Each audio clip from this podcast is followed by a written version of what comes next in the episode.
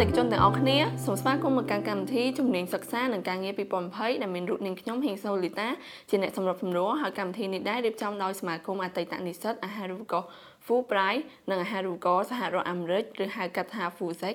ដោយមានការឧបត្ថម្ភពីក្រុមហ៊ុន Smart Asitat ដោយសារមានការរីករាលដាលនៃជំងឺ Covid-19 FUSAC បានដំណើរការកម្មវិធីជំនាញសិក្សានិងការងារ2020តាមរយៈវេទិកា Digital ជំនួសវិញដោយបានផ្ដល់ព័ត៌មានទូលំទូលាយទៅដល់ទស្សនិកជនទូទាំងប្រទេសនៅក្នុងថ្ងៃនេះយើងមានមេខ្វិនមួយរូបដែលក៏ជាអតីតនិស្សិតដែលបានបញ្ចប់ការសិក្សាថ្នាក់បញ្ញាបត្រជំនាញសង្គមវិទ្យាមកពីសាកលវិទ្យាល័យភូមិន្ទភ្នំពេញហើយបច្ចុប្បន្ននេះក៏ជាមន្ត្រីប្រឹក្សាអាជីពនៅក្នុងអង្គការសកម្មភាពសម្រាប់ការអប់រំកម្ពុជា អញ្ចឹងកុំឲ្យខាត់ពេលយូរយើងមកជួបជាមួយគាត់ទាំងអស់គ្នាសូមជម្រាបសួរបង ចាជម្រាបសួរចាជាដំបងសូមបងជួយណែនាំខ្លួនរបស់បងក៏ដូចជាប្រវត្តិការសិក្សានិងការងាររបស់បងសប្តាហ៍ថ្ងៃចានាងខ្ញុំឈ្មោះអង្គចាន់នីជាអតីតនិស្សិតសង្គមវិទ្យានៃសាកលវិទ្យាល័យភូមិន្ទភ្នំពេញដែលនាងខ្ញុំចាប់ផ្ដើមការសិក្សានៅឆ្នាំ2009ហើយបានចប់ការសិក្សានៅឆ្នាំ2013ហើយបច្ចុប្បន្ននាងខ្ញុំធ្វើការនៅ កម្មវិធីសាលារៀនជំនាន់ថ្មី នៃអង្គការសកម្មភាពសម្រាប់ការអប់រំនៅកម្ពុជា ចាអរគុណបងអញ្ចឹងសូមបងជួយរៀបរាប់ទូទ្រូនៅកត្តាអ្វីខ្លះដែលជួយជំរុញនិងលើកទឹកចិត្តបងឲ្យបន្តជ្រើសរកជំនាញមួយនេះចាអរគុណសម្រាប់សំណួរកត្តាដែលជំរុញនិងលើកទឹកចិត្តខ្ញុំឲ្យរើសជំនាញសង្គមវិទ្យាទី1កត្តាខ្លួនឯងដែលខ្ញុំមើលឃើញថា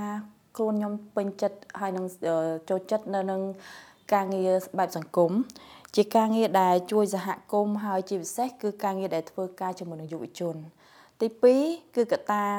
សិស្សច្បងដែលគាត់ធ្លាប់រៀនពីមុនហើយគាត់បានណែនាំថាការងារហ្នឹងបើសិនបើយើងចូលចិត្តជំនាញបែបសង្គមចូលចិត្តជំនាញបែបជួយសហគមន៍យើងគួរតែរៀនមុខវិជ្ជាមួយនឹងហើយទី3គឺកត្តាការងារហើយដោយសារនៅក្នុងឱកាសការងារគឺមានច្រើនរៀងទូលំទូលាយ អញ្ចឹងយើងអាចធ្វើការទាំងស្ថាប័នរដ្ឋនិងឯកជនបានដូចគ្នាហើយកត្តាទាំង3នឹងហើយដែលធ្វើឲ្យនាងខ្ញុំជ្រើសមុខវិជ្ជាសង្គមវិទ្យាចាអញ្ចឹងចង់សួរបងបន្តទៀតថាតើជំនាញនេះមានលក្ខណៈដូចម្ដេចចាជំនាញសង្គមវិទ្យាគឺគឺជាជំនាញមួយដែលសិក្សាអំពីសកម្មភាពបាតុភូតបញ្ហានៅក្នុងសង្គមហើយព្យាយាមស្វែងរកដំណោះស្រាយ តាមបែបវិទ្យាសាស្ត្រចាអញ្ចឹងតាមអ្វីដែលបងចូលចិត្តជាងគេនៅលើជំនាញរបស់បង ចានៅក្នុងមុខជំនាញសង្គមវិទ្យាមុខជាដែលខ្ញុំពេញចិត្តជាងគេគឺការសិក្សាអំពីបញ្ហាសង្គមនៅក្នុងប្រទេសកម្ពុជាហើយមុខជំនាញមួយនេះបានធ្វើឲ្យនាងខ្ញុំមានការពេញចិត្តជាខ្លាំងដោយសារធ្វើឲ្យនាងខ្ញុំចាប់អារម្មណ៍ទៅលើបញ្ហាសង្គមដែលជាពិសេសគឺយុវជន ហើយដូចបច្ចុប្បន្ននេះខ្ញុំធ្វើការជំពាក់ព័ន្ធជាមួយនឹងការងារយុវជន ដែលយើងស្វែងរកនៅអ្វីដែលជាបញ្ហាយុវជន ដែលយើងរកដំណោះស្រាយថាតើយើងអាចជួយពួកគាត់ទៅលើការសិក្សាទៅលើការស្វែងយល់ពីអាជីពរបស់គាត់ ការងាររបស់គាត់យ៉ាងម៉េចការកំណត់គោលដៅរបស់គាត់ដំណើរម្ដងទៅរបស់គាត់យ៉ាងម៉េចបាន ចាអចាអរគុណបងអញ្ចឹងសំណួរបន្ទាប់គឺចង់សួរបងថាតើមានឧបសគ្គនិងបញ្ហាប្រឈមអ្វីខ្លះនៅក្នុងការសិក្សារបស់បង ហើយសូមបងជួយប្រាប់ពីដំណោះស្រាយរបស់បងផងដែរចាអរគុណនៅក្នុងការសិក្សានៅភ្នំពេញ បងបានជួបឧបសគ្គមានដូចជាបញ្ហាសុខភាព បញ្ហាថវិកាតិចតួច ហើយនឹងបញ្ហាដែលយើងជាកូនស្រីឆ្ងាយពីផ្ទះព្រោះដោយសារពេលដែលចាប់ផ្ដើមមករៀនដំបូង បងអឺជាកូនស្រីច្បងហើយរស់នៅ ជាមួយនឹងមិត្តភ័ក្តិដែលគាត់មកពីស្រុកមានគ្នាពីរនាក់ណាអញ្ចឹងដំបូងបំផុតយើងអត់មានស្គាល់អ្នកណាទេហើយវាជាស្ថានភាពថ្មីសម្រាប់យើងវាជាសង្គមថ្មីសម្រាប់យើងអញ្ចឹងវាជាបញ្ហាប្រឈមខ្លះដែរដែលថ្មីសម្រាប់យើងយើងត្រូវសិក្សារៀនសូត្រជាមួយនឹងបរិបទថ្មីកន្លែងរស់នៅថ្មី ទាំងការសិក្សាដែលឆ្ងាយពីគ្រួសារចាអរគុណបងអឺតើការងារប្រភេទណាដែលយើងអាចទទួលបានបន្ទាប់ពីបញ្ចប់ការសិក្សាចាការងារដែលបងទទួលបានបន្ទាប់ពីបញ្ចប់ការសិក្សា គឺបងធ្វើការងារតកតងទៅនឹងជាជំនួយការគ្រូបណ្ដុះបណ្ដាលដែលបងស្រឡាញ់ទៅលើការបណ្ដុះបណ្ដាលតកតងការអប់រំអញ្ចឹងបងព្យាយាមតាំងពីបងធ្វើការជាអ្នកស្ម័គ្រចិត្ត តាំងពីនៅរៀននៅសាកលវិទ្យាល័យណាពេលពេលនឹងរហូតមកគឺបងតែងតែគិតថាអ្វីដែលជាគោលដៅរបស់បងបងចង់ធ្វើការពាក់ព័ន្ធទៅនឹងការអប់រំការបដិបដាលហើយបន្ទាប់ចប់បងក៏បន្តធ្វើជាជំនួយការខាងគ្រូបដិបដាលហ្នឹងទៅចាអញ្ចឹងតើយើងត្រូវរៀបចំអ្វីខ្លះជាមុនបង ចារៀបចំជាមុនយើងត្រូវដឹងថាតើខ្លួនយើងនឹងចូលចិត្តជំនាញអី ព្រោះនៅពេលដែលយើងដឹងថាខ្លួនយើងចូលចិត្តជំនាញអីហើយយើងនឹងកំណត់គោលដៅខ្លួនឯងព្រោះអឺបើសិនបើយើងអត់ទាន់ដឹងថាយើងចង់ចាប់ជំនាញអីទេ យើងប្រកាសជានៅរាវថាជំនាញទី1ទី2ទី3នេះយើងចូលចិត្តអត់តែដូចបងចូលចិត្តទៅលើខាងផ្នែកអប់រំខាងផ្នែកបដិបដាអញ្ចឹង បងចាប់ផ្ដើមស្វែងយល់ទៅក្នុងសង្គមទៅក្នុងសង្ឃអង្គការសង្គមស៊ីវិលផ្សេងៗតើគាត់មានឱកាសសម្រាប់យុវជនទៅធ្វើការងារស្ម័គ្រចិត្តជាមួយគាត់អត់អញ្ចឹងវាធ្វើឲ្យបងស្វែងរកឱកាសថាតើអាការងារបដិបដាលហ្នឹងយើងអាចទៅរកនៅកន្លែងណាបាន ចាអញ្ចឹងតើយើងត្រូវត្រៀមខ្លួនមិនខ្លះជាមុនដើម្បីរៀនជំនាញនេះបងចាចំនួនចំពោះជំនាញសង្គមវិទ្យានេះប៉ះសិនបើសិស្សានុសិស្សគាត់ចាប់អារម្មណ៍ចង់រៀន ទី1សូមឲ្យបងប្អូន មានសញ្ញាបត្រមធ្យមសិក្សាទុតិយភូមិហើយសិស្សដែលគាត់មាននិទេសពី A ដល់ E ហ្នឹងក៏អាចដាក់ពាក្យបានដែរទី2គាត់ជាអ្នកដែលចូលចិត្តការងារបែបសង្គមការជួយសហគមន៍មានភាពបត់បែនគាត់រស់រាយរាក់ទាក់អត់ធ្មត់ព្យាយាមហើយជាពិសេសអ្នកដែលគាត់ចង់រៀនជំនាញសង្គមវិទ្យាគឺត្រូវតែមានកម្រិត មធ្យមនៅមុខវិជ្ជាគណិតវិទ្យាដែរព្រោះដោយសារយើងរៀនផ្ដោតសំខាន់ទៅលើស្ថិតិចាអញ្ចឹងចង់សួរបងថាតើអ្វីដែលបងចូលចិត្តខ្លាំងបំផុតចំពោះការងាររបស់បងសូមបងជួយរៀបរាប់ត្រួសត្រាអំពីសកម្មភាពប្រចាំថ្ងៃរបស់ការងាររបស់បងពោះការងាររបស់បងប្រចាំថ្ងៃសប្តាហ៍ថ្ងៃបងជាមន្ត្រីប្រឹក្សាអាជីពនៃកម្មវិធីសាលារៀនជំនាន់ថ្មីហើយអ្វីដែលបងពេញចិត្តជាងគេ គឺបងពេញចិត្តនៅក្នុងការជជែកជាមួយសិស្ស ដែលយើងមានគោលដៅចង់ឲ្យសិស្សគាត់បានកំណត់គោលដៅរបស់គាត់ទៅថ្ងៃអនាគតទាំងការសិក្សារបស់គាត់តើគាត់ត្រូវត្រៀមខ្លួនយ៉ាងណា សម្រាប់ការសិក្សាតើគាត់ត្រូវត្រៀមខ្លួន សម្រាប់ការប្រឡងបាក់ឌុបយ៉ាងម៉េចហើយតើគាត់បានកំណត់គោលដៅអាជីពការងាររបស់គាត់ច្បាស់លាស់ហើយនៅអញ្ចឹងនៅក្នុងសកម្មភាពការងាររបស់បង ដែលបងផ្ដល់ឲ្យសិស្សទៅលើ ការស្វែងយល់ពីខ្លួនឯងការ គិតពីមុខរបរអាជីពទៅថ្ងៃអនាគតការស្វែងយល់ពីគ្រឹះស្ថានសិក្សាការស្វែងយល់ពីការងារណាដែលត្រូវទៅនឹងមុខជំនាញនិងចំណង់ចំណូលចិត្តរបស់គាត់ហើយយើងក៏មានការ invite speaker សម្រាប់ឲ្យសិស្សមើលថា role model របស់គាត់មួយណាដែលគាត់ចង់ស្វែងយល់បន្ថែមទៅលើមុខជំនាញហ្នឹងហើយគាត់គួរត្រៀមខ្លួនបែបណានៅក្នុងការចាប់ទៅលើមុខវិជ្ជាដែលគាត់ចង់ធ្វើចង់រៀនទៅថ្ងៃអនាគតហ្នឹង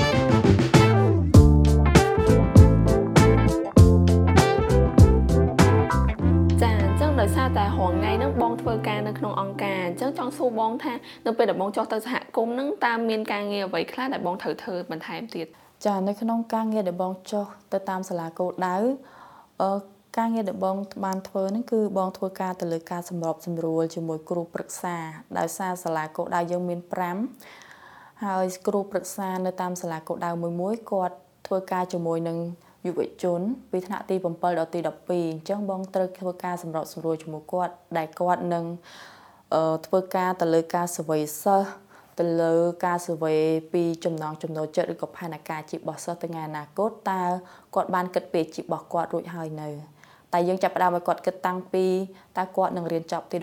12គាត់គិតថាគាត់នឹងអាចរៀនចប់ទៅទី12អត់ហើយអាណាព្យាបាលរបស់គាត់បានអនុញ្ញាតឲ្យគាត់រៀនដល់ចប់ទី12អត់ ហើយតើគាត់បានគិតពីអាជីពការងាររបស់គាត់រួចហើយនៅ ហើយវាជាអាជីពការងារអីហើយតើគាត់បានស្វែងយល់ពីអាជីពការងារហ្នឹងតាមរយៈអីគេខ្លះហើយអញ្ចឹងបន្ទាប់មកយើងបានធ្វើការប្រមូលព័ត៌មានផ្សេងផ្សេងដើម្បីយកមកមើលថាតើសិស្សណាខ្លះដែលគាត់មិនទាន់បានគិតពីអាជីពហើយយើងគួរហៅឬក៏អញ្ជើញគាត់មកជជែកប្រឹក្សាមួយទល់មួយ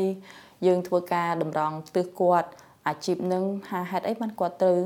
ជ្រើសអាជីពតើវាសំខាន់សម្រាប់គាត់ប៉ុណ្ណាហើយតើអឺគាត់គួរតែរើសអាជីពបែបអឺ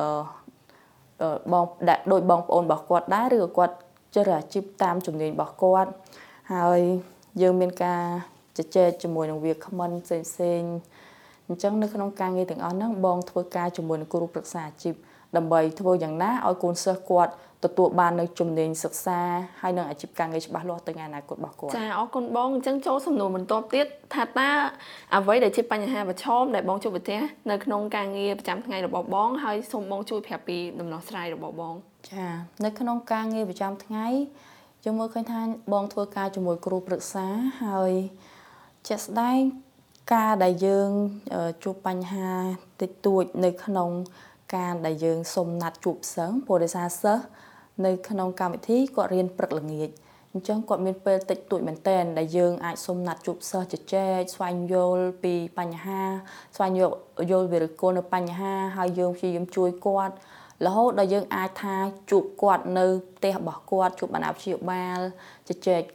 ពីបញ្ហាជាមួយអាណាព្យាបាលហើយនឹងយើងផ្សព្វផ្សាយទៅដល់សហគមន៍ឯផ្សេងផ្សេងហើយអញ្ចឹងនៅក្នុងហ្នឹងគឺបញ្ហាដែល ជាឧបសគ្គនៅក្នុងការងារគឺពេលវេលាតិចតួចដែលសិស្សអាចជជែកជាមួយយើងបានប៉ុន្តែយើងព្យាយាមធ្វើយ៉ាងណាឲ្យសិស្សគាត់បានមកជួបយើង បានមកជជែកមួយយើង បានមកបង្ហាញពីអីដែលជាបញ្ហារបស់គាត់សម្រាប់យើងហើយយើងសប្បាយចិត្តនៅក្នុងការដែលគាត់អាចមកជួបជាមួយយើងបានហើយគាត់មានពេលតិចតួចក៏ដោយឲ្យតែគាត់អាចមកជួបជាមួយយើងបានហើយជាដំណោះស្រាយបបងនៅក្នុងហ្នឹងគឺ យើងព្យាយាមរកម៉ោងតនេដែលមានម៉ោងលីបឬក៏ម៉ោងសម្រាកឬក៏ម៉ោងញ៉ាំបាយរបស់គាត់យើងសុំត្រឹម5នាទីឬក៏10នាទីដើម្បីជជែកប៉ុន្តែក្នុងខេសមួយចំនួនយើងអត់អឺជួបម្ដងអីទេព្រោះយើងត្រូវការជួបជួបជជែកសិស្សដើម្បីស្វែងយល់គាត់បានច្រើនទៅលើបញ្ហាមួយមួយទៅលើករណីសិក្សារបស់គាត់មួយមួយវាយ៉ាងម៉េចបន្ទាប់មកយើងអឺនឹងដោះស្រាយបញ្ហានោះបាន ព្រោះយើងត្រូវការពេលវេលាជាមួយសិស្សច្រើនធ្វើឲ្យសិស្សគាត់ទុកចិត្តគាត់មានទំនុកចិត្តមួយយើងគាត់សប្បាយចិត្តនៅក្នុងការចែកម្លែកមួយយើងចាអញ្ចឹងបងចំពោះដែលសិស្សនិស្សិតគាត់ចង់ដាក់ពាក្យចូលធ្វើការជាមន្ត្រីប្រឹក្សាអាជីពដូចបងតើគាត់គួរត្រៀមខ្លួនបែបណាដែរបងបើសិនបើសិស្សនិស្សិតដែលគាត់រៀនចប់គាត់ចង់ធ្វើការទៅលើ ជាមន្ត្រីប្រឹក្សាអាជីពគាត់គួរតែមានអឺត្រៀមខ្លួនបែបគាត់ឆ្លាញ់ការងារសង្គមជាពិសេសធ្វើការមួយយុវជន ហើយមើលឃើញបញ្ហាជាដំណោះស្រាយមានន័យថាបើសិនបើគាត់អត់ចូលចិត្តការដោះស្រាយបញ្ហាទេ គឺគាត់អាចធ្វើការទៅលើផ្នែកនឹងបានទេព្រោះសិស្សដែលជួបយើងគាត់អាចនឹងមានរឿងជាបញ្ហានឹងមានរឿងនៅក្នុងការដែលយើងអាចទៅស្វែងយល់ជាមួយគ្នាតកតងទៅនឹងជារឿងរឿងដែលជាបញ្ហាអាចថា គាត់នឹងអត់ទាន់បានគិតពីអាជីពអញ្ចឹងគាត់ត្រូវការយើងស្វែងយល់ជាមួយគ្នាថាគាត់ចង់ចាប់អាជីពអីផ្សេងផ្សេងអញ្ចឹងទៅអញ្ចឹងនៅក្នុងចំណុចហ្នឹងគឺត្រូវការឲ្យគ្រូនិងសិស្សគឺជួបគ្នាជជែកគ្នា ចាអរគុណបងអញ្ចឹងចង់សួរបងបន្ថែមទៀតថាតើបងមានអាហារូបករណ៍ណា ដែលបងចង់ណែនាំទៅសិស្សនិស្សិតរបស់យើង ចាអាហារូបករណ៍ សម្រាប់សិស្សនិស្សិតយើងមើលឃើញសាកលវិទ្យាល័យភូមិន្ទភ្នំពេញដែលសិស្សអាចអាប់ឡាអាចដាក់ពាក្យបានតាមរយៈក្រសួងអប់រំអញ្ចឹងអាហារូបករណ៍ហ្នឹងសិស្សអាចដាក់ពាក្យបានតាមរយៈសាលារដ្ឋរបស់ក្រសួងអប់រំហើយក៏មានសាកលវិទ្យាល័យមួយចំនួន ដែលគេសិក្សាបង់ថ្លៃសាកលវិទ្យាល័យភូមិន្ទភូមិន្ទភ្នំពេញក៏សិក្សាមានថ្នាក់បង់ថ្លៃដែរទៅលើមុខជំនាញសង្គមវិទ្យាសាកលវិទ្យាល័យបៀប្រាយសាកលវិទ្យាល័យអន្តរជាតិ ចាអរគុណបងអញ្ចឹងចង់សួរសំណួរបន្ទាប់ទៅបងថាក្រៅពីការសិក្សាក្នុងសាលាតើមានមធ្យោបាយអ្វីខ្លះដែលយើងអាចទាញយកចំណេះដឹងឲ្យកាន់តែច្បាស់ពីនិស័យនិងតម្រូវការរបស់ជំនាញនេះចាចំពោះការសិក្សាជំនាញសង្គមវិទ្យាក្រៅពីការសិក្សានៅក្នុងសាលា ជាមួយគ្រូយើងអាចសិក្សាជាមួយមិត្តភ័ក្តិគ្នាឯងដែលយើងសិក្សាជាក្រុមទៅលើការលើកមេរៀនដែលគ្រូបានបរៀនហើយ យើងអាចជជែកវែកញែកគ្នាចែកម្លែកចំណេះដឹងគ្នាហើយមួយទៀតយើងអាចធ្វើការងារស្ម័គ្រចិត្តទៅតាមជំនាញដែលយើងចង់រៀនបន្ថែមហើយការងារស្ម័គ្រចិត្តទាំងអស់ហ្នឹងយើងត្រូវមើលថាតើវាត្រូវនឹងចំណង់ចំណូលចិត្តហើយជំនាញដែលយើងចង់ធ្វើថ្ងៃអនាគតអត់ចាការងារស្ម័គ្រចិត្តដែលយើងអាចមើលឃើញនៅតាមក្រុមហ៊ុននៅតាមអង្គការសង្គមស៊ីវិលមួយចំនួនយើងអាចស្វែងយល់បានបន្ថែមដែលវាជាការប្រមូលបាននៅបទពិសោធន៍របស់យើង អាចជួយយើងសម្រាប់ការងារនៅថ្ងៃអនាគតបានចឹងចង់សួរបងបន្ទាប់ទៀតថាតើបងមានមតិល្អល្អអ្វីខ្លះសម្រាប់ដល់អ្នកស្ដាប់ជាពិសេសសម្រាប់បងប្អូនទី12ដែលគាត់នឹងបញ្ចប់ការសិក្សាខាងមុខនេះហើយដែលគាត់មានចំណងខាងជំនាញសង្គមវិទ្យានេះចាអរគុណសម្រាប់សិស្សនិស្សិតសិស្សានុសិស្សដែលគាត់ត្រៀមនឹងបញ្ចប់ថ្នាក់ទី12បើសិនបើគាត់ចាប់អារម្មណ៍ជំនាញសង្គមវិទ្យាគាត់អាច មកស្វែងយល់ឲ្យបានច្រើន យើងមានកម្មវិធីត្រីវិស័យដែលសិស្សអាចស្វែងយល់ពីជំនាញអាជីពនានានៅក្នុងកម្មវិធីត្រីវិស័យដែលនៅក្នុងកម្មវិធីត្រីវិស័យយើងអត់ចាំបាច់ជួបផ្ទាល់ជាមួយបុគ្គលទេវាជា app មួយដែលយើងអាចវាយជាភាសាខ្មែរថាត្រីវិស័យអញ្ចឹងនៅក្នុងហ្នឹងមានផ្នែក6ដែលមានទាំងការស្វែងយល់ពីបុគ្គលិកលក្ខណៈ មានតាំងពីការស្វែងយល់ពីជំនាញសិក្សាគ្រឹះស្ថានសិក្សានិងជំនាញការងារផ្សេងផ្សេងហើយមានជាវីដេអូអាជីពការងារដែរអញ្ចឹងបើសិនបើសិស្សសិស្សនិស្សិតដែលគាត់ចាប់អារម្មណ៍គាត់អាចចូលទៅមើលនៅក្នុង app ត្រីវិស័យដែលរបស់ក្រសួងអប់រំយើងអាចយើងអាច down វាមកអញ្ចឹងនៅក្នុងហ្នឹងអូនអាចមើលតេស្តទៅលើបុគ្គលិកលក្ខណៈរបស់អូនបានអូនអាចស្វែងយល់ពី ការងារអាជីពផ្សេងៗបាន ហើយនឹងមានជំនាញសង្គមវិទ្យានៅក្នុងហ្នឹងដែរចាអញ្ចឹងជាចុងក្រោយតើបងមានពាក្យពេចន៍អ្វីផ្ដាល់ផ្ដាំទៅកាន់អ្នកស្ដាប់ podcast នេះដែរទេចាសូមអរគុណសម្រាប់អឺជាចុងក្រោយ នាងខ្ញុំសូមអរគុណដល់កម្មវិធី Vosec កម្មវិធីជំនាញសិក្សានិងការងារដែលបានជើញនាងខ្ញុំ នៅក្នុងកម្មវិធីនេះហើយ សម្រាប់បងប្អូនដែលគាត់ចាប់អារម្មណ៍ទៅលើជំនាញសង្គមវិទ្យាអឺគឺជាជំនាញមួយដែលទូលំទូលាយហើយ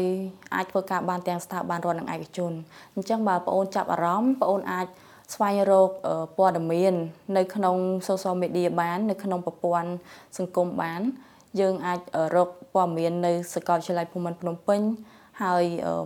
ប្អូនគួរតែមើលថាតើប្អូនមានចំណងចំណូលចិត្តនិងជំនាញដូចទៅនឹងជំនាញសង្គមវិទ្យា យើងត្រូវត្រៀមខ្លួនចូលនឹងអីដែរអត់ចាអញ្ចឹងអរគុណច្រើនសម្រាប់ការស្ដាប់ចាសូមអរគុណបងសម្រាប់ការបកស្រាយយ៉ាងក្បោះក្បាយខាងលើនេះដោយសារតែពេលវេលាយើងមានកំណត់សូមអរគុណដល់បងអង្គចាន់នីចាសូមអរគុណដែលបានចំណាយពេលវេលាចូលរួមក្នុងការផ្តល់បទសម្ភាសន៍ទាក់ទងនឹងមុខជំនាញសង្គមវិទ្យានិងអាជីពការងាររបស់គាត់សប្តាហ៍ថ្ងៃ ហើយក៏សូមអរគុណដល់ទស្សនិកជនដែលបានចូលរួមស្ដាប់បទសម្ភាសន៍នេះពួកយើងក៏សង្ឃឹមថាខ្លឹមសារដែលគាត់បានបកស្រាយនេះជាជំនួយដល់ការសម្រេចចិត្តក្នុងការជ្រើសរើសមុខជំនាញសិក្សាឲ្យបានសមស្របនិងប្រសើរឡើងដូច្នេះសូមជម្រាបលាទស្សនិកជនទាំងអស់គ្នាជួបគ្នានៅឱកាសក្រោយតាមរយៈបទសម្ភាសន៍នៃមុខជំនាញផ្សេងៗទៀត